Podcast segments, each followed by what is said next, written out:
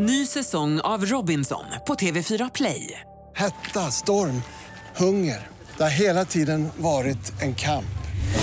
Nu är det blod och tårar. liksom. Fan händer just nu. Det. är Detta är inte okej. Robinson 2024, nu fucking kör vi! Streama söndag på TV4 Play. Radio play. Också den här tron på sig själv, att det har ingenting att göra med alltså, varken könstillhörighet eller någonting annat. Utan det handlar om att bygga upp barnen så pass alltså, självsäkra i sig själv och tron på sin egen förmåga så att de kan bli vad de än vill. Hallå Tobias! Hej Anton! Och hej till dig som lyssnar på Regnbågsliv. Podden där vi pratar om allt möjligt under regnbågen. Varje torsdag och nu är det dags igen. Nu är det dags igen. Hur mår du idag Tobias? Ja, jag är lite extra hes idag. ehm, men ja, jag tänkte precis men- fråga varför. Nej men jag, jag har sjungit ganska mycket faktiskt. Har du sjungit? Och det är roligt, jag, mår- jag mår roligt. bra av det. Vad sjunger du? Eh, nej, men jag sjunger allt som gör mig glad verkligen. Alltså har du sjungit hemma eller har Ja, du... oftast hemma ja. Ja, men var, är, varför är du särskilt hes idag? Nej men det, det, det hänger i, jag sjunger hela tiden så jag går runt och bara sjunger mer än jag pratar. Det är jätteintressant. men va? jag tycker det är jättekul. Men jag är inte van så min röst hänger inte riktigt med. Så att, eh, Men jag, jag känner bara att jag behöver få ett svar på det här. Vad, har, du, har du börjat med någon ny grej? Alltså att du vill lära dig sjunga typ opera eller nej. har du liksom att du står hemma och har du fått liksom någon förebild som sjunger på ett visst sätt efter Lady Gaga-filmen Nej, kanske? nej, nej, eller? nej, nej, nej. Jag har börjat kolla på Glee och då har jag fått fram att jag ska gå med i en kör, så nu ska jag göra det. Jag visste att det var någonting. Ja, jag du visste- visste ja. att det var någonting. Ja. Okej. Så är det. Vi har mer om det sen, det ska bli jättekul. Men Anton, det är inte det vi ska prata om den här veckan, utan det hände ju någonting väldigt viktigt i tisdags. Ja, verkligen. Det var en otroligt eh, viktig eh, dag som har uppmärksammats eh, i snart 20 år. Trans Day of Remembrance, eller hur? Absolut. Och den infaller ju varje år den 20 november, och det är för att uppmärksamma alla de transpersoner som har blivit mördade på grund av transfobi, hatbrott och så vidare mot vårt community. Mm, ja, och framförallt. Rita Hester från Massachusetts i USA. Hon dog ju den 28 november 98, alltså för 20 år sedan nästan. Helt i onödan. Mm. Och i år över 300 transpersoner har blivit mördade världen Ja, det är över. mer än en per dag, 368 Mm. stycken. Och då har vi inte ens pratat om hur alla de som utsätts för trakasserier, hot, hat, förföljelse. Och mörkertalet, det är bara de som vi vet om så att säga. Mm, toppen av ett isberg, verkligen. Och det här, jag tyckte att det var så fint, jag såg på Facebook någon som skrev så att ja men vi måste sörja och minnas de som har avlidit och vi måste kämpa för de som lever. Så in i helvete. Precis, så att det, den här dagen är ju Tudelad, Ja ja. precis, att det ju också är en påminnelse då till att vad vi behöver göra idag. Och ofta tänker vi då när vi re- rent liksom kollar ur ett, ett perspektiv som om politiskt, världspolitiskt perspektiv, så ja, men fan vi i Sverige, vi är världsbäst, vi har i EU är vi så otroligt bra på det här och så vidare. Men, Säger vi det? Många säger det, många tror det, många säger så här Pride behövs inte, jämställdhetskampen är över, feminism behövs inte, vart är min mansdag? Man bara, ja men du vet, alla Den var ju måndags. grejer. Ja precis, för de som undrar, där var din mansdag. Varsågod. Eh, men det jag menar bara att vi har inte kommit så långt som vi behöver. Så den här kampen får inte sluta. Precis, så vi kommer fortsätta uppmärksamma den här dagen den 20 november varje år. Absolut. Trans Day of Remembrance. Och i år uppmärksammades den ju runt om i Sverige, bland annat RFSL höll eh, ljusmanifestationer, eh, det var andra initiativ som demonstrationer, man hade liksom samlingskvällar i lokaler och så vidare och ja, det här, kampen måste fortsätta, så är Det är det. jättekul att se alla er aktivister i våra eh, sociala medieflöden. Fortsätt lägga upp, oavsett vilken plattform du har, om den är stor eller liten. Lägg upp och uppmärksamma. Verkligen, Det gör verkligen skillnad, alla inlägg. verkligen. Tack så mycket för det. Och från det till en annan viktig grej Tobias. Idag så ska vi ju snacka en hel del om eh, varför hbtq-kunskap behövs inom skolan och idag framförallt förskolan. För vi har ju med oss förskolläraren Karro som bor i Stockholm, 28 år, lesbisk och eh, förskollärare. Vi sätter igång direkt. Välkommen in Karo. Hej! Hej Karo! Hallå, Hallå! hur mår du? Jo, det är bra eh, med tanke på omständigheterna. Ja, Jag har- Ja. Du, du rullar in här med en rollator. Japp, det stämmer. Ja men berätta. Ja, alltså lång historia kort. Jag bröt foten 12 september eh, på väg hem från jobbet. Tänkte att jag skulle äta lite indiskt. Eh, det var en dum idé. På restaurangen så har de en, eh, en tröskel, eller det är som en trappa avsatt kan man säga. Så det är ett trappsteg in, sen är det plant och sen är det ett trappsteg ner för att komma in på restaurangen. Det, det gick bra, jag gick in och beställde. När jag kom tillbaka så såg jag inte det här trappsteget på kanten då. Så att jag trampar snett på kanten. Så min fot liksom viker sig neråt samtidigt som jag tappar balansen och faller och landar på utsida fotled. Och sen ligger jag där och kvider. Sen var det ambulans raka vägen in Hade du maten i handen så du tappade Nej, den? nej, jag skulle gå och hämta den. Ah. Men däremot hade jag handlat lite andra grejer innan. Och Ehm, foten var liksom av då? Nej, alltså jag fick, eh, jag bröt den på tre ställen. Jag tror att de har opererat alla tre benen nu. Ehm, tre plattor och sju skruvar sitter nu i min fot. Oj! Ehm, men det ska de ta ut 10 december och förhoppningsvis, eller då har de sagt att jag får börja gå. Men jag, Till det jul kan- då? Bra julklapp. Okej. Men jag har inte Oh fått den på tre månader. Och sen säger de att foten kanske aldrig blir bra. Och sen Nej. har jag fått massa annan skit däremellan. Va? Ja. Allt för att hämta Så lite mat. otur.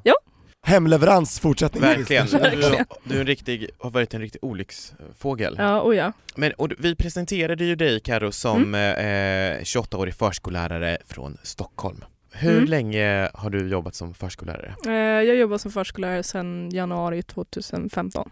Mm. Och då gick du alltså utbildningen, för den är nästan fyra år, Tre och ett halvt och den gick du på Södertörn. just efter gymnasiet då va? Ja, Och precis. vad lockade med att bli förskollärare? Oj. Alltså jag utbildade mig till kock i gymnasiet.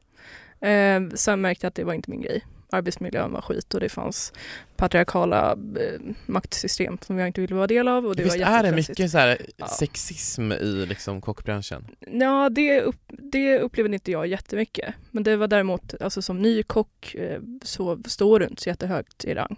Sen beror det på var du jobbar såklart. Men ja, det förekommer lite sexistiska samtal och så. Aha. Men eh, nej, så då och sen ehm, jag flyttade ofrivilligt ner till Skåne för jag har släkt där och mina föräldrar sålde min, eller villan då som jag växte upp i. Eh, och då flyttade jag ner till Skåne och började jobba som kock. Och sen var inte min pappa klar med sin, in, för sin pension så då flyttade vi upp, eller jag flyttade med honom och eh, de köpte en lägenhet. Så jag började bo där, Här i Stockholm alltså. på Lidingö, Lidingö. där jag är uppvuxen. Mm. Då bestämde du dig för att bli förskollärare? Nej, då började jag, då vill, behövde jag ju pengar. Så då började jag ehm, jobba som vikarie inom förskolan. Mm. Och sen så kände jag att okej, nu har jag alternativ. Antingen så kan jag utbilda till barnskötare eller så kan jag bli förskollärare direkt. Sen i efterhand så kanske jag hade börjat, eller hade kunnat utbilda mig till någon annan typ av lärare. Men då blev förskolan ett ja, naturligt alternativ. Jag fick jättemycket beröm och så. Och då så sökte jag in och så Just kom det. jag in och började plugga. Hur gamla är barnen på förskolan? Eh, ja, alltså du får ju börja förskolan från att du är ett. Eh, och sen så beroende på när du är född så kan du egentligen vara kvar på förskolan till att du har hunnit följa, fylla sex. Wow. Mm. Så det är det åldersspannet som finns. Och du jobbar ju på en så kallad hbtq-certifierad förskola, visst stämmer det? Ja, det stämmer. Vad skulle du säga skiljer en hbtq-certifierad förskola från en som inte är det, generellt? HBTQ-certifieringen överlag bygger ju på att vi gick, eller min arbetsplats gick en utbildning via RFSL. Eh, och det bygger på ett fördjupat värdegrundsarbete. Eh, det är klart att huvudsakligen handlar det om hbtq-kunskap. Eh, men det handlar också om de sju diskrimineringsgrunderna. Det handlar om bemötande. Det handlar om vilket språk vi använder. Kan vi anta till exempel att en familjekonstellation ser ut på ett visst sätt? Nej, det kan vi inte. Så att vi väljer att inte göra det, utan vi utgår från att varje familjekonstellation är unik. Eh, vi arbetar medvetet med eh, norm, alltså ett normkritiskt förhållningssätt. Eh, sen skulle jag vilja säga normkreativt förhållningssätt också. Och vad betyder normkreativt för dig? Jag menar att medvetet arbeta för att varje individ ska få vara precis som eh, den än är och den ska få bli vem den än önskar vara. Och det handlar om att få möjlighet till att utforska sin identitet, eh, kanske laborera med pronomen, kanske laborera med vilka kläder du bär eller hur du uttrycker dig, vilka egenskaper du identifierar dig med och att du liksom får laborera med hur du ser på omvärlden. Och det handlar också om att medvetet sätta upp alltså, personer eller karaktärer som är normbrytande på, alltså på väggarna fysiskt. Eh, men det handlar också om tillgänglighet. Alltså man pratar till exempel funktionsvariationer. Det handlar om att alla, oavsett vilken funktion du än har, så skulle du, ska du kunna ha tillgänglighet till den miljön som du vistas i. Och det handlar både om den fysiska funktionen men också om den psykiska. Om du har någon funktionsvariation som är av psykisk karaktär till exempel, så ja, ska du, eller ska och ska, det ska vara en självklarhet att oavsett vem du är så får du vara precis som du är. Då måste jag fråga också, hur eh, förstående är föräldrarna till barnen som går i er förskola? Vårdnadshavarna Vårdnadshavarna? Ja, alltså För det är inte självklart att de, eh, att de är med Nej. på, vissa kanske ifrågasätter. Ja, både och. Jag har hört vårdnadshavare som har sagt att ja, nej, men det är jättebra att det här är en hbtq-certifierad hbtq-certifierad förskola, men vi vill inte att vårt barn ska eh, benämnas med eh, pronomet hen, utan vi vill att vårt barn ska använda pronomet han. Och jag är lite kluven där, för att jag brukar säga att, alltså för min egen del då, att vi vuxna är bärare av eh, Dels är vi bärare av språket, men vi är också bärare av en viss makt. Vi har en viss kunskap som barnen ännu inte har. Vi har gått igenom vår process av vår identitet som barnen inte har. Det innebär också ett stort ansvar. Och jag vill ju mena att innan ett barn, alltså om vi pratar åldersspannet då 1 till 3, då är inte barnet jättemedvetet om vem jag är, hur jag identifierar mig, vilka pronomen jag vill använda, vilka egenskaper jag identifierar mig med, för att barnet vet inte det. Och då tycker jag inte riktigt att det är rätt att vi vuxna bestämmer ett visst pronomen utifrån ett tilldelat, eller tilldelade genitalier som har kodats när vi har fötts. Utan jag tänker att det är upp till barnet själv. Däremot måste man ju tillföra då pronomenvariationer till exempel i böcker och i språk och så. Eh, så det krävs ett väldigt, väldigt medvetet arbete. Men så jag har hört både det ena och det andra. Och sen de som inte riktigt förstår sig på alltså genus, så att säga. För det, det arbetet sker ju rätt naturligt i och med att vi är hbtq-certifierade. Det krävs av oss. För det kan vara lite jobbigt, jag förstår precis vad du menar, att ni är ju Ja. utbildade men det är inte, det är inte vårdnadshavarna. Nej, Så det är jobbigt om de inte hänger med, de kanske själva Ja. behöver gå den här kursen, för de vet, ju inte, de vet ju inte vad de inte vet. nej. De tror att de försöker hjälpa till, Mm, men de motverkar kanske ibland. Hur gör ni liksom rent i, i praktiken? Alltså, har ni det, att ni använder pronomet hen på barnen eller använder ni hon, han men öppna för hen? Eller hur funkar det där i Eller praktiken? gör, n- när liksom kan barn börja bestämma och förstå det här? Ehm, Vilken ålder liksom? alltså jag skulle vilja säga att ungefär 4-5. Ehm, ja, tidigast 3,5 kanske. Och gör, och gör ni då övningar så här, nu ska vi träda på mitt pronomen? Eller Nej, hur? alltså vi har ju haft, de äldre barnen har haft eh, pronomenrundor till att börja med. Men sen har det avtagit i, det mynnade ut en presentationsrunda istället, där barnen då laborerade med sina egen namn. Ehm, jag kan väl säga att i, de, i 99 procent av fallen så använder vi barnens egen namn. Det vill säga det egennamn som barnet har tilldelats av sina då vårdnadshavare. Till exempel kan du ge Carro det här istället för Exakt. kan du ge henne det här? Exakt. Ja, förstår. Ja. Men sen de barnen som är medvetna om sin egen person och sin- sina pronomen och har valt ett pronomen. Det handlar också om att vi måste vara ambassadörer för barnen. För det finns vissa barn till exempel som blir kodade på ett visst sätt som inte de identifierar sig med. Och det är oberoende, tänker jag, alltså egentligen sexuell läggning eller sexuellt uttryck. Att då måste vi stå pall, vi alltså pedagoger eller vi vuxna som jobbar inom förskolan och undervisar där. Vi måste stå pall mot de andra, till exempel vikarier eller andra vårdnadshavare som kanske felkönar barnet.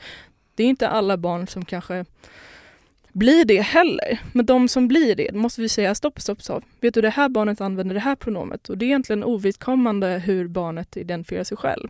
Om det identifierar sig som hen eller han eller hon eller hin eller hin. Och ibland, ibland kanske inte barnen vågar rätta till någon vuxen som säger fel. Nej, Och då måste man vara på deras sida kanske. exakt. Och det handlar ju om att det är inte barnen som ska vara bärare av det. Precis. alls.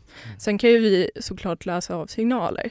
Märker man att ett barn går iväg till exempel när den har haft en konversation med, ja, låt säga en vuxen. Det är klart att vi är lyhörda på det och börjar då undersöka vad det är som har hänt. Och då kanske det kommer fram att jo men den här vuxna använder det här pronomet på mig. Eller kanske använder fel namn till exempel. Just det. Mm. det låter väldigt medvetet, det här känns Ja. otroligt bra. Så här, så här var det inte när jag gick på förskolan. Nej, Men jag tänker också så här, finns det, nå- finns det någon risk med att man inte använder liksom hon och han på liksom små barn? Eller alltså jag, Som andra förskolor som inte är certifierade till exempel alltså. ja, alltså bara bara, en tilldelar. tanke så här, vad tänker du kring det? Är det, någon, är det någonting som du, för jag antar att du fått frågan från Mm. vårdnadshavare? Um, alltså jag tänker ju snarare tvärtom. Jag har ju undervisat på förskolor där det inte har varit certifierade förskolor eller ens har arbetat medvetet med varken normkritik, normkreativism eller eh, genusarbete. Um, ehm, så att det jag märker då det är att barnen är väldigt, väldigt formade efter det då tilldelade eh, pronomen som barnet får. Till exempel, eh, ja, nu ser jag mig eh, relativt som en cis-person då. Eh, jag identifierar mig med, med de eh, genitalier som jag har fått. Eh, Alltså en kvinna, du Ja. är hon. Ja, men jag använder också hen ibland. Om dig själv. Men jag ser mig ju inte som icke-cis-person. Hur som helst. Om jag då hela tiden får höra att jo, men Karo, det är en hon, du är hon, hon, hon, hon, hon. Då kommer det också vissa tilldelade egenskaper. Hur förväntas en hon att vara? Handlar det om till exempel att jag ska bära en viss typ av kläder? Eh, får jag höra vissa egenskaper som att åh vad gullig du är eller vad söt eller vad fin, vad duktig du är. Ehm, och det är också någonting som vi jobbar väldigt, väldigt mycket med. Att vi tilldelar inte barnen vissa givna egenskaper. Utan istället för att säga till ett barn till exempel vad snabbt du sprang, så kan man säga bra jobbat, titta du sprang härifrån till hit. För om du säger vad snabbt du sprang, då börjar barnet eh, automatiskt liksom titta på sig själv. Okej, vad har jag på mig? Vad har jag för skor? Vad har jag för kläder? Då är det de attributen som gör att jag kan springa snabbt. Nej, det är det inte. Det är din förmåga att ta dig framåt på det här sättet. Och då brukar jag utmana barnen och säga, men hur kan du, kan du ta dig fram på något annat sätt istället? Och det är också ovidkommande vilken, alltså vilket barn det än är. Och jag har hört andra barn som har sagt till exempel till något barn att, men titta, det här barnet lyckades eh, dra de här personerna i, på cykeln. Ja, men det är klart, du klarar vad du än vill. Du klarar vad som helst. Och också den här tron på sig själv, att det har ingenting att göra med alltså, varken könstillhörighet eller någonting annat. Utan det handlar om att bygga upp barnen så pass alltså, självsäkra i sig själv och tron på sin egen förmåga så att de kan bli vad de än vill. Det är så bra att du är konsekvent och dina kollegor, det tycker jag låter riktigt bra. Ja, men där finns det också en skillnad. Alltså, jag är ju väldigt radikal i mitt eh, genustänk. Eh, och där finns det också en skillnad bland mig och mina kollegor. Vi tänker på olika sätt. Vissa håller inte alls med mig fastän vi, eller fastän eh, vi, jag undervisar på en hbtq-certifierad förskola. Så att det, det är inte så att alla tycker likadant. Så är det inte. Nej men precis, och det är ju viktigt att betona också att du talar utifrån dig och dina Ja. erfarenheter och är liksom inte, rep- du, som vi sa innan där, du är inte representant för liksom hbtq-certifieringen eller Eller förskolor. inte ens alla för, på din, just din förskola. Nej, men, men hur är det då? Upplever du att de, vissa motarbetar dig eller upplever du att det ändå kan fungera? som Alltså en både kollegor? och, skulle jag säga. Mm. Ehm, jag försöker ju med mitt sätt att ehm, ja, men på ett ödmjukt sätt att få mina kollegor att förstå. Och där är väl jag, jag har väl lite tilldelad eh, alltså tolkningsföreträde eftersom jag själv är lesbisk och har gått igenom en identitetsprocess eh, och en komma ut-process. Att jag har lite tolkningsföreträde och det brukar jag ibland trycka på. Eh, Brukar det uppskattas, förstår de det? Eller är vissa ändå liksom inte riktigt helt med? Eller? Det är väl lite både och för att det handlar Mm. väl om de barnen vi möter och den undervisning vi bedriver. Så att, ja, så att det, det är lite blandat. Sen finns det de som, ja men vi kommer till en punkt där vi bestämmer att ja, nej men vi håller inte med varandra. Agree to disagree, så Mm. att säga. Förstår. Och så får det vara. Och det, där har jag vuxit jättemycket i att förstå att okej, vi är olika, men och sen finns det vissa beslut som man tummar på. Men det har ju med verksamheten att göra. Precis, för att det ska funka smidigt. Ja. Eh, men... eh, Oj, mm. nu börjar Tobias Ja, tappa det börjar krackelera. Men jag, jag, jag vill gå in på det här som du nämnde nu, Mm. Karo, med din egen resa. Ja. När började du fundera över din identitet? Alltså jag tror att jag omedvetet drogs till eh, kvinnor, tjejer redan alltså, i tidig ålder. Alltså nu pratar vi kanske tio års ålder. Så det är efter förskolan? Ja, precis. Mm. Men jag var ju liksom sexuellt eh, intresserad av min egen kropp redan som fyra, femåring. Är det, är det vanligt när du, när du är förskollärare idag att du märker att barn Ja. är det eller? Ja, alltså det förekommer att Mm. barn är intresserade av sin egen kropp och så. det finns ju många teorier kring barnsexualitet, Freud till exempel. Och så. Förstår. Mm. Ehm, vilket jag faktiskt tror på. Ehm, för att jag upplevt det själv också. Ehm, Exakt, så du var tio år då? Ja, ungefär. Ungefär. Ehm, men jag vet inte om det hängde ihop liksom, med min adoption, men jag vet att jag dels blev intresserad av liksom, lärare och önskade att, åh, jag önskar att du var min mamma. Ehm, för att eh, jag visste inte om, eller jag kände inte till lesbiskhet då. Ehm, det hade ingen berättat för dig? Nej, inte alls. Men det var ju ett sätt att vara nära någon och få krama den personen. Så. Just det. Sen eh, när jag, 11 års ålder, ungefär 11-12, då började jag önska att jag också var kille. För att då skulle tjejerna bli kära i mig. Just det, för då hade, du märkt, då hade du märkt normerna i samhället, att det är man och kvinna som lyfts fram tillsammans. Jag tror det, Ja. men jag tror ändå att jag hade förstått för då började liksom mina klasskompisar ändå hitta någon typ av relation. Så. Och den var ofta heteronormativ? Ja, det var det. Ja, det var Alltid. alltid. Men sen kan inte jag påstå att min uppväxt har varit särskild, alltså den har inte varit präglad av liksom eh, hbtq-personer. Jag är uppväxt på Lidingö, det är ändå liksom väldigt, alltså ur ett sociokulturellt perspektiv så anses det vara rätt ja, men snobbigt. Ja, övre medelklass och Ja. undre överklass. Ja. ja, till och med överklass. Så det fanns ju liksom inte så himla många, det fanns ju inte jättemånga variationer överlag heller. Nej, det var ingen stor mångfald alls kanske Nej. på många sätt. Och inte av något egentligen. Nej. Ehm, Och du adopterades in i den uppväxten då alltså? Ja, precis. Jag är adopterad från Polen och kom hit när jag var ett år och tio månader. Okej. Men jag är ju vit. Så att jag har ju aldrig liksom brottats med någon slags identitetskris eh, på grund av min hudfärg. Precis, för i Sverige är det ju vithetsnorm också. Ja, exakt. Precis. Utan jag har alltid kodat som att jag till och med har varit lik mina föräldrar. Ehm, så. Till och med det. Ja, men sen eh, så var jag aktiv i eh, Svenska kyrkan på Lidingö. Jag konfirmerade mig, 15 kanske man är. Eh, och då åkte vi iväg på ett läger och då var det en av mina ledare som eh, visade sig sen i efterhand vara lesbisk. Vilket jag inte visste om. Det var faktiskt väldigt, väldigt liberalt i, på Lidingö. Eh, sen spela fotboll också och nu i efterhand har det visat sig att flera av dem som jag spelar fotboll med, de var också lesbiska. Men var du nära dem, alltså den här ledaren till exempel, du, du tydde dig till henne Ja, och jag var kände, jättenära henne. Var och hon var nära dig också, det var lite Ja. ömsesidigt där. Ja, fast inte på ett liksom lesbiskt kärlekssätt. så. Hon var några år äldre gissar jag. Ja, det var hon. Ja. Så att hon är ju mer min så här, lesbiska mother. Så. Fattar. Ja, det var inte en stora syster utan det var, Nej, det var nog så. Eller Ja. det, det jag kommer fram till efterhand. Eh, så hon, hon, vi hade en så här övning då med alla konfirmander och då så frågade hon eh, ja men vad tycker ni om att samkönade också ska få adoptera? Det var något sånt. laddad Ja. fråga kanske för vissa. Ja, och Mm. laddad fråga för, speciellt för mig. Ja. Känsligt att diskutera den om, Ja, för dig. Kan jag För då visste om Ja. att du var adopterad? Ja, ja, det Mm. vet jag sedan jag var liten. Mm. Ehm, så att, och då, jag var ju jätte, alltså jag hade absolut kunnat rösta på Kristdemokraterna då.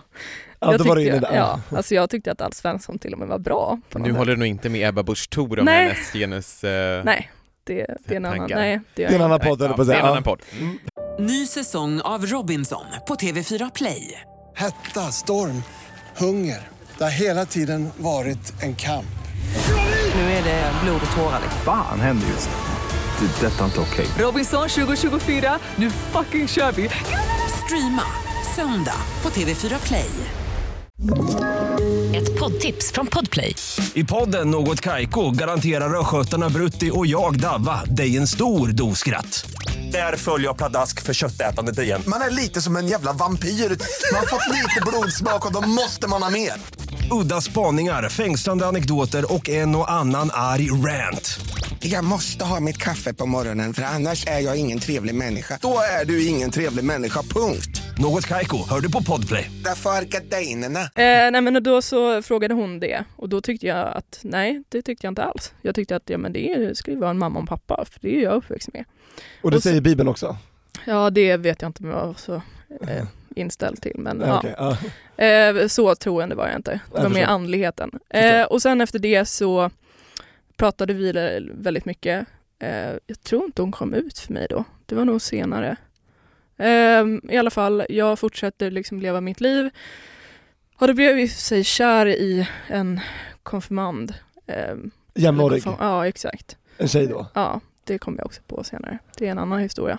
Många har första kärlek på de Ja. där konfirmationslägren. Ja men alltså, det- alltså det är många som blir av med oskulden där, du som du sa, Mm. det är mycket liberalt. Jag har varit, jag är konfirmerad eh, och har åkt på sådana läger och det händer allt möjligt där kan jag säga. Mm. Det är det värsta man kan göra om man vill liksom ha ett Klassresor och konfirmationsresor. men det är så, om man vill ha ett oskyldigt barn, heligt barn, då ska man inte skicka iväg det med en massa på idrottsläger kåta. händer ingenting. Men det är de här lägren, det är där det händer. Det är det. Nej, på idrottslägret smetar man bara tandkräm på varandras dörrar och Precis. Ja. Precis. Till, det är till och med hetare på scoutläger kan jag säga, där kan hända Ja. mycket i tält och så vidare. Där händer Men det Det det. har jag gjort också. ja. Men, ja. Men det hände ju aldrig mig någonting med den här tjejen. Utan Fast det var ömsesidigt också, hon kanske var Nej, tjej nej, också. det tror jag inte. Okej. Inte vad jag vet. Eh, sen så umgicks vi väldigt mycket. Vi gick olika skolor, sen blev hon, eller hon, jag började skära mig för att jag mådde dåligt över min adoption. Eh, hon utvecklade anorexia, Och I tonårsålder då? ja alltså typ 15-16 Oj. års ålder. Så att det var precis efter konfirmationen. Eh, och vi gick inte samma skola. Eh, jag var hemma hos henne någon gång och jag, i efterhand har jag fattat att jag var ju nog kär i henne. Sen så blev jag beskylld för hennes anorexia. Att det var Av mitt vem fel. då? Ja, eh, hon sa att hennes föräldrar tyckte att det var mitt fel, att hon hade utvecklat anorexia. Varför? Lite som att jag hade Okej. dåligt inflytande på henne. Och jag vet inte om det var för att jag berättade för henne hur dåligt jag mådde, att jag hade självmordstankar och så vidare. Och då sa hon det till sina föräldrar och då trodde de att, Antagligen. ja, Ja, att ditt självskadebeteende fick henne att skada sig själv. ja också. säkert. Alltså, så då fick vad inte vi dåligt. träffas mer. Och sen så sågs vi långt senare och då vågade inte jag fråga henne om det var så att hon tycker att det var mitt fel. Ja, sen har väl jag alltid liksom dragits till tjejer. Men sen... Aldrig killar? Jo, jag trodde väl det. Jag har väl växlat. Jag trodde att jag var bi. Eh, men det var inte förrän jag var 19 som jag kom ut som bi. Eh, två gånger. Jag kom också ut som bi när jag var 19. Ja. Eh, jag satt i bilen med mina föräldrar en gång vardera och så frågade jag min mamma då för då hade jag förstått på något sätt att jag, jag vet inte men jag hade fattat att jag gillar tjejer, jo det måste jag väl ha gjort. Och så frågade jag henne, du, jag har en fråga. Jaha, säger hon på bred skånska. Ja, vad skulle du säga om jag sa att jag var bisexuell? Skulle du ha något emot det? Och så sa han, eh, nej, varför, varför undrar du det? Är du det? Ja, jag tror det, sa jag. Var det, var jag det tvärnit då eller? Nej, nej, Nej tur. fortsätt köra. Ja bra. Eh, och sen så frågade jag min pappa samma sak. Och han var så här, ja, jag vet inte. Nej, men ja, för jag är bisexuell. Jaha, sa han. Och det var inte så mycket med det. Och sen ett år senare så sa jag, du, eh, jag har kommit fram till att jag är lesbisk. Eh, då var det väl lite, alltså inte motstånd så, men jag åkte på en gaykryssning och då fick jag lite skit för det. Vad för skit? Nej men jag kommer ihåg att jag berättade att- glatt då i hågen att eh, jag skulle på gaykryssning och eh, både min brorsa och min pappa brister ut något i stil med Jaha, men måste du säga att det är gaykryssning? Eh, Men det va? är ju en gaykryssning. Ja. Ja. Vilket var- år var det? Eh, 2020, nej 2010 var det. Jag tror att jag var Ja. på samma gaykryssning då. Jaha. Det är den här gaykryssningen jag har varit på. Va? Ja, Kul! det var. Ja. Jag, jag är nästan säker alltså. Ja. Ja, Vad roligt om det var så. Men, men vadå, så de, de hade problem med ordet gay, konceptet Ja. gay bara? Ja, och då sa jag, men herregud. Jag bara, det heter ju gaykryssning. Om du åker på typ en tangokryssning och någon frågar dig, jaha, vad ska du på för kryssning? Det är klart att du säger att du ska på en tangokryssning. Det här är en gaykryssning. Och då sa min pappa då att, ja men jag är faktiskt beredd att hålla med ditt syskon här.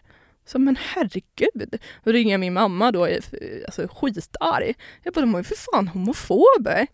Jag var så förbannad. Och min mamma försökte liksom lugna ner alla men jag köpte inte det. Och sen nu flera år senare så, ja min pappa har ju liksom, eh, han har väl aldrig varit homofobisk så, men han har, eh, ja det blir väl lättare att liksom, vad säger man, ta de orden i munnen. Ja, har de bett om ursäkt eller? Eh, nej, det har de aldrig gjort. Nej, men däremot har ju min brorsa, han är ju superstolt över vad jag än gör så att han bryr sig inte längre. Nej. Det var väl Ja, tur ver- det? Verkligen. Ja, men det var, det var en pers. Och förvånande när de ändå har varit liksom in, inte negativa alls till själva, eh, när du kommer ut som bi. Nej. Men när du ska på en Men det känns då som att din pappa kanske inte tog det seriöst då, tyvärr. Jag vet inte. Jag tror att, alltså, som jag sa tidigare, att när jag växte upp på Lidingö så fanns det ju i princip inga lesbiska. Det är ju Mm. först nu som det finns det. Nu finns det ju till och med en fritidsgård man kan vända sig till. Ja. Om en är hbtq-person. Precis. Och på tal om det, nu, nu när du är liksom i skolväsendet igen, då Ja. på andra sidan, och som lärare, Mm. är det uttalat då att du säger att jag är en tjej som gillar tjejer? Och förstår barnen det då? Alltså på jag är väl inte ute... Barnen har väl jag och, och jag och de har nog inte riktigt pratat om det alls. Vi har ju inte riktigt sådana samtal. Okej. Jag undervisar ju de yngsta barnen som är mellan 1 till 3. Nu är de huvudsakligen mellan 2 till 3. Men det är nog aldrig så att vi har lyft frågan om relationer på det sättet. Är det så? Det kanske bara var jag när jag var liten som Ja, bara men gick runt och däremot- var kär i folk. Nej, Men det kanske var däremot- när du var fem eh, och Sex skulle kanske, börja ja. sex års liksom. och- Då kanske man pratar mer om kärlek, får jag chans Men på jag- dig och så vidare. Ja, men jag tror att det är en sk- skillnad där också eftersom vi alltså aktivt varje dag liksom jobbar med eh, olika alltså, variationer, alltså normer, eh, diskrimineringsgrunder så behöver de samtalen aldrig finnas. Och det var som vi läste, på äldrebarn så läste vi en bok om Kalle som ville vara Lucia. Men då var det jättemånga barn då som protesterade och tyckte att det här var helt fruktansvärt att Kalle inte fick vara Lucia. Så de höll verkligen med, med det som sades i boken. Grymt. Och det är det jag menar, att då behöver man aldrig ha sådana här samtal om hbtq, för det har jag varit med om på en förskola där jag jobbade eh, som förskollärare då. Och då var det ju liksom det här att ah, nu ska vi beta av det här. Och då ställde en i personalen då frågan till barnen och det var liksom inget som var arbetat kring. Och frågade då, ja, kan, eh, visst kan, eh, vet ni att eh, två tjejer och två killar, de kan också vara tillsammans och kära i varandra? Och barnen fick liksom ingen chans att säga någonting. Ja, nej men så är det. Så, nu har vi pratat om det. Då kan vi gå vidare till nästa ämne. Så här bock på kanten. Ja, men lite så. Vad sjukt att de berövar barnen den liksom, ja. Men Ja. ni har liksom arbetat in det från grunden så att det, Ja, för, för era barn är det självklart att man kan vara ihop oavsett kön liksom. ja. Så, ja. Och sen, jag menar, hade jag undervisat de äldre barnen så kanske vi hade haft sådana samtal. Men jag tror att många av deras vårdnadshavare är också rätt liberala. Mm. Vet de om att du är öppna. lesbisk då, eller det, det är ingenting som Eh, kommer på tal? Jo, men jag är öppen mot vårdnadshavarna också. Ja. Jag har nämnt det för några. Och sen framförallt är jag öppen på arbetsplatsen mot mina Och hur blir du chefer. bemött eh, utifrån eh, att du är lesbisk tycker du, eller är det, Jag skulle inte någonting säga att jag blev bemött på något visst sätt alls. Utan Vad som härligt att vilken höra. annan person som helst. som det ska vara? Så är det. Det känns som att vara tillbaka på förskolan igen med dig Karo, att du lär mig så eller mycket. hur? Fast känner- bättre kanske, eller? Ja, så här, så här hade inte jag Anton det, eh, pratade vi om innan, eller hur? Ja men precis, nej, Tänk om vi hade haft inte. dig i förskolan Karo. Ja, men jag tror att om fler, om fler förskolor certifierar sig eller jobbar aktivt med genus, jag kan ju tycka att alla förskolor borde certifiera sig för det är faktiskt ett ställningstagande. Och som aktiv alltså hbtq-person eh, så kommer jag såklart söka mig till de förskolorna, tror jag. Och står det då på, hems- på en hemsida att vi är hbtq-certifierade, då vet jag att då måste ni arbeta med det här. Mm. Jag tror att om det finns fler, alltså både förskolor, skolor och eh, långt upp i åldrarna, alltså universitet, då tror jag att jag hade, jag hade kommit ut bra mycket tidigare. Absolut. Det är alltid bra att hitta sig själv tidigt i livet för då kan man undvika ångest och självskadebeteende tror jag. Ja, Det är mycket större chans då att räddas. absolut. Ja, Ja, och jag kan bli, en grej som jag tänker på är att man pratar ju ibland nu i den här äh, heta debatten som, och det är klart att eh, att, att alla håller inte med om all- alla i allting och så, och så ska det ju ändå få vara.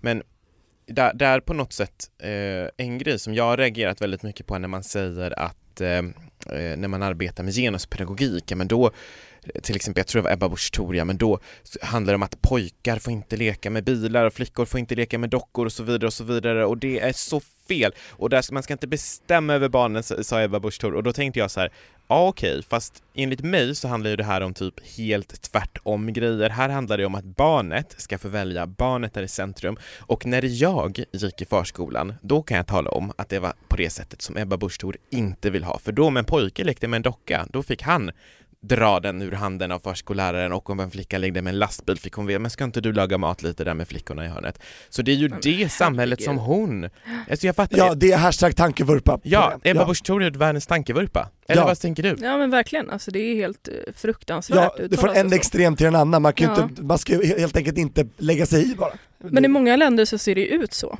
tyvärr. Alltså jag har ju haft visningar på min eh, förskola till exempel och visat runt alltså folk från andra länder, från England och från eh, Danmark och så. Och då har jag fått frågan, ja men hur är det med materialet? Eh, blandar ni alltså leksakerna? För i England så är det väldigt uppdelat, eller till och med i Danmark fick jag höra att där var det väldigt könsuppdelat. Eh, Oj. va? Så sa jag, nej men här är ju materialet tillgängligt för alla barn.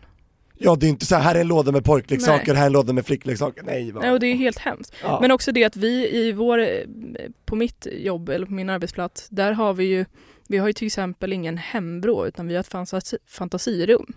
Och det öppnar ju också upp för fantasin. Det är inte Mm. bara baserat på att du kanske väljer att laga mat utan du kanske har kläder eller du använder hela din, hela din kropp och hela ditt sinne för att iscensätta din fantasi.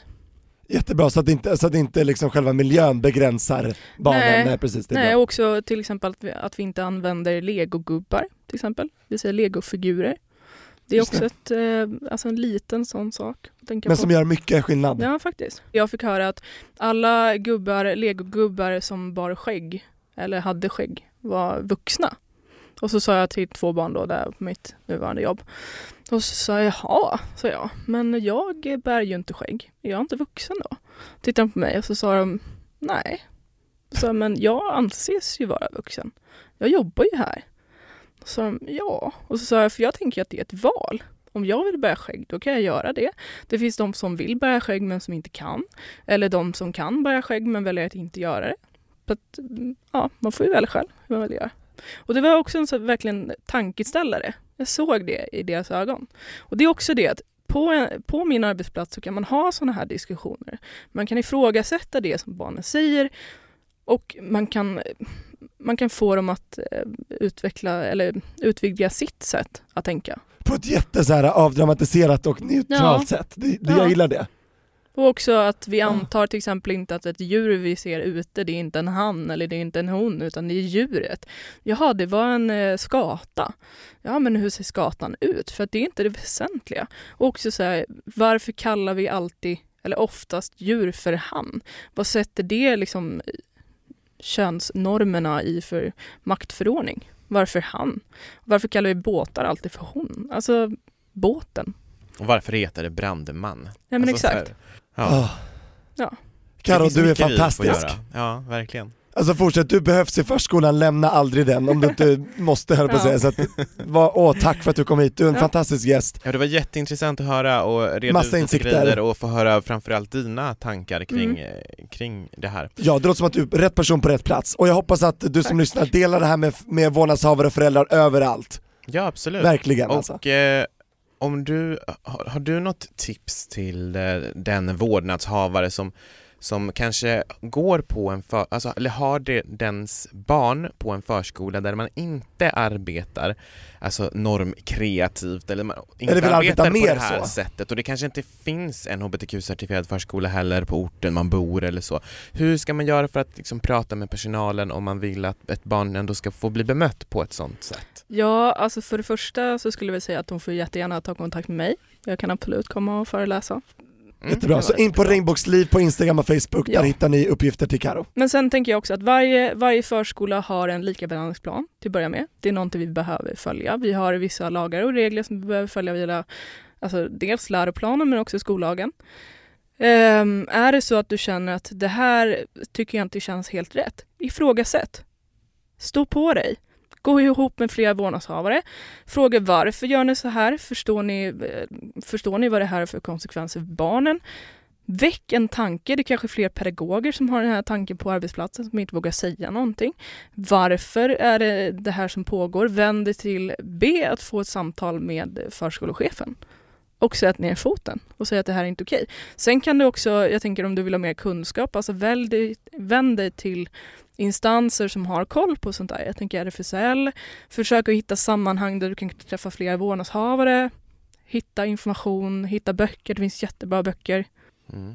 Eller börja på några av Pysslingens hbtq-certifierade Exakt, byt förskola om det inte blir bättre. Det kan man också göra. Ja det kan man göra. Ja, och det finns många andra förskolor som är hbtq. Ja. Absolut, det ska vi säga Det också. finns Egalia och det finns eh, Nikolajgården och Ja, just det. Bra. finns, det finns flera också. Då har jag friskrivit mig. Ja. Men eh, Karo, om du får Mm. drömma då, vem tycker du borde gästa Regnbågsliv? Alltså jag har verkligen tänkt på den här frågan. Alltså spontant, jag har flera. Eh, dels så tänker jag på Nilla Fischer. ja, Ja, Nilla vill vara med. Mm. Jag tänker på det brandtal som Nilla, Nilla Fischer hade i, ja, häromdagen på Idrottsgalan. Just det. Fantastisk. Mm. Eh, Det behövs flera, flera personer som är eh, förebilder inom, inom sport. Sen tänker jag på typ Rickard Söderberg. Ja, han träffade vi senast på Stockholm Pride när vi skulle upp på scenen och han skulle av scenen. Vi träffar honom ofta, han säger såhär ja jag vill jättegärna vara med, sen så lyckas vi aldrig hitta en tid då han Nej. kan komma men vi, vi ligger på gay-tenoren, det gör vi. Gör Det det. gör vi verkligen. Ja, kom igen nu Rickard, nu kör vi. Det var superbra tips. Ja. Tusen tack. Mm. Ja, som sagt, in på våran Instagram, där hittar du uppgifter till Karro om du vill se mer om henne. Och boka henne, Regnbågsliv Japp. heter vi där, och vi är tillbaka igen nästa vecka med ett nytt rykande färskt avsnitt. Vi närmar oss 100 nu. Lucia-dagen, det är då det smäller. Tre avsnitt kvar va? Nu är vi, det här är 97 Och det ska hända något speciellt då, och vad det är det får du höra om du lyssnar. Åh, vad händer då? Äh, just det, det Cliffhanger. Ja, cliffhanger. Mm. Då kanske det är jag och Anton är Lucia, Det kanske Och det får vi vara. Händer. Ja, absolut. eller hur Karo? Ja, absolut. Tack! Vi hörs igen då nästa torsdag. Tack och förlåt för allt. Hej då! Hejdå! Hejdå.